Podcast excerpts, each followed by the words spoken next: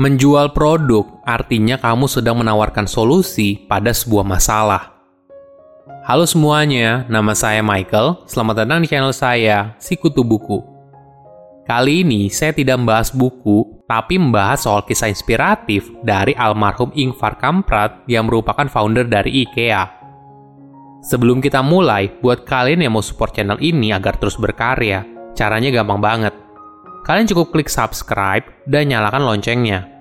Dukungan kalian membantu banget supaya kita bisa rutin posting dan bersama-sama belajar di channel ini.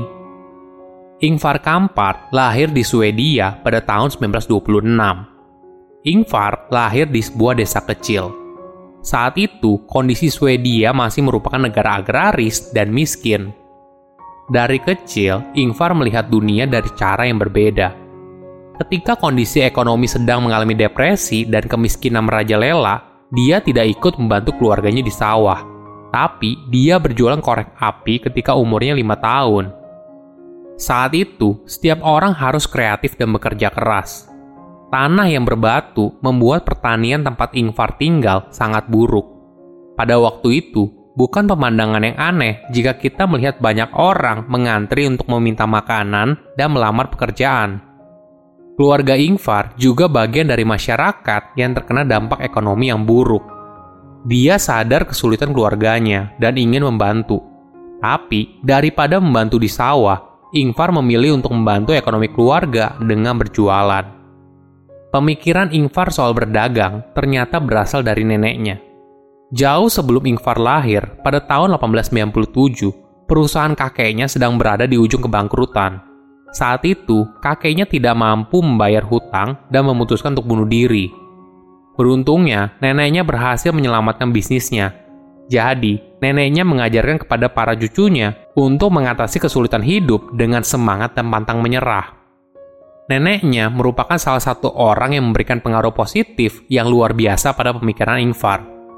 Ketika berjualan korek api, Ingvar berusaha untuk memberikan konsumennya harga korek api yang murah dia meminta bibinya yang ada di Stockholm untuk membeli korek api dalam ukuran besar dan mengirimnya ke rumah mereka.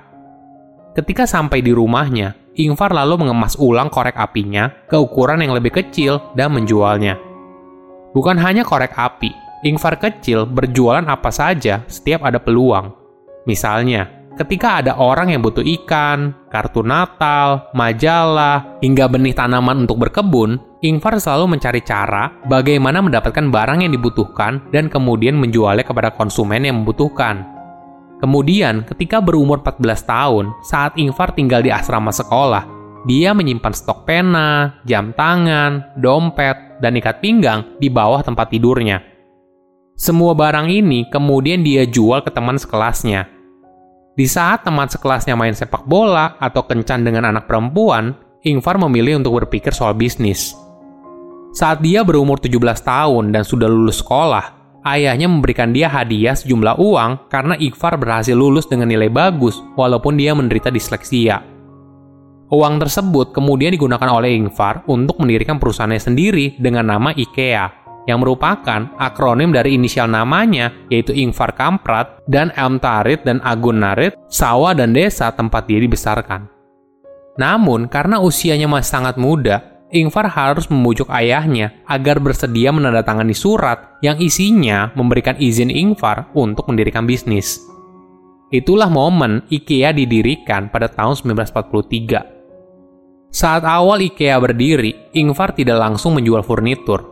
Awalnya, IKEA menjual apa saja, mulai dari pena, dompet, frame foto, hingga stocking. Tidak lama kemudian, bisnisnya berkembang pesat hingga IKEA tidak hanya menjual di tempat, tapi juga melayani pengiriman. Bahkan, produknya dijual hingga ke seluruh Swedia pada masa itu. Dari semua barang yang IKEA jual, pena merupakan barang yang paling populer. Saat awal tahun 1940-an, pena adalah suatu barang yang langka di Swedia. Bahkan, Ingvar harus memesan 500 pena dari Paris yang uangnya berasal dari pinjaman di bank lokal pada masa itu.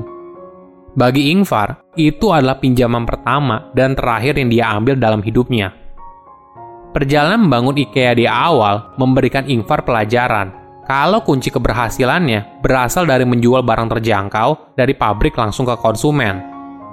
Tidak lama kemudian, ada peluang yang muncul. Setelah Perang Dunia Kedua, pemerintah Swedia mempunyai rencana untuk membangun rumah besar-besaran dan memberikan bantuan pinjaman untuk perabotan rumah. Peluang ini tidak disia-siakan oleh Ingvar, apalagi di provinsi tempat dia tinggal banyak pabrik furnitur. Pada tahun 1948, IKEA mempromosikan furnitur ke dalam brosurnya.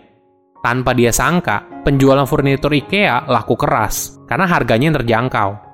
Bahkan, empat tahun kemudian, Ingvar menghentikan semua barang lain dan hanya fokus di furnitur saja, karena penjualan furnitur yang luar biasa. Pada masa itu, penjualan furnitur IKEA hanya melayani pengiriman saja. Tapi, persaingan bisnis yang ketat membuat model bisnis itu semakin buruk karena para pesaingnya, demi mempertahankan keuntungan, mereka menjual produk dengan kualitas yang buruk. Ingvar sadar kalau hal ini pasti akan memperburuk industri penjualan furnitur melalui pengiriman. Oleh karena itu, dia mulai berpikir untuk memperbaiki model bisnisnya. Bahkan, pada tahun 1955, karena mereka kalah bersaing, Asosiasi Penjual Furnitur di Swedia pada masa itu memboikot IKEA dengan mengancam tidak akan membeli dari pabrik furnitur Swedia apabila mereka menjual barangnya ke IKEA. Hal ini dilakukan sebagai bentuk protes harganya yang terlalu murah. Kejadian ini membuat Ingvar memperkenalkan model bisnis yang baru, yaitu memproduksi sendiri produknya. Bukan hanya itu, daripada konsumen hanya melihat gambar produknya di katalog, dia menawarkan mereka untuk datang ke showroomnya.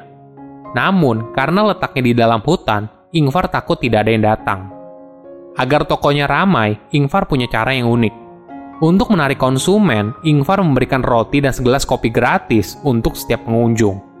Tanpa dia sangka, ternyata strategi ini sukses berat. Bahkan saat itu lebih dari seribu orang datang ke tokonya.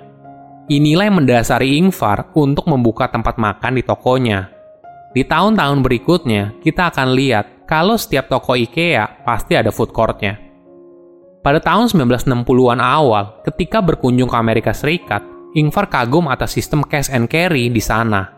Artinya, konsumen membayar tunai dan membawa barangnya sendiri, bukan diantar. Pada tahun 1965, ketika IKEA membuka toko yang besar di Stockholm, Ingvar coba menggunakan sistem itu di toko IKEA terbaru. Pertama, tokonya menyediakan tempat parkir yang luas.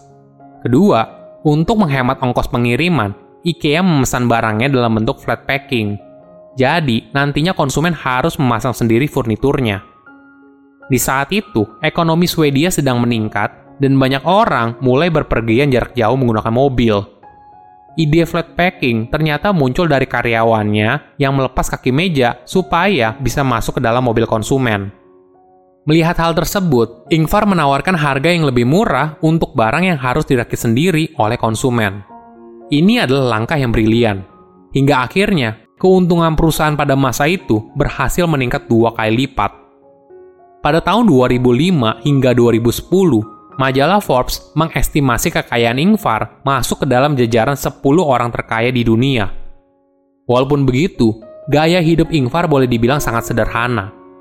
Dia percaya kalau fungsi sebuah barang lebih penting daripada gengsi. Prakteknya seperti ini. Dia selalu naik kelas ekonomi karena dengan beli tiket pesawat yang lebih mahal, fungsi pesawat tidak berubah. Waktu tempuhnya juga sama. Sama halnya ketika dia memilih untuk mengendarai mobil Volvo tuanya dan memakai baju yang sederhana. Bagi dia, selama sebuah barang masih berfungsi, kenapa kita harus membeli barang yang baru? Semua kesederhanaan ini dia jalani hingga akhir hayatnya. Semua dimulai dengan mencari solusi atas sebuah masalah. Ketika kita berjualan, kita tidak menjual produk, tapi memberikan solusi atas masalah yang sedang dialami oleh konsumen. Silahkan komen di kolom komentar pelajaran apa yang kalian dapat ketika tahu informasi ini. Selain itu, komen juga mau tahu informasi apa lagi yang saya review di video berikutnya. Saya undur diri, jangan lupa subscribe channel YouTube Sikutu Buku. Bye bye.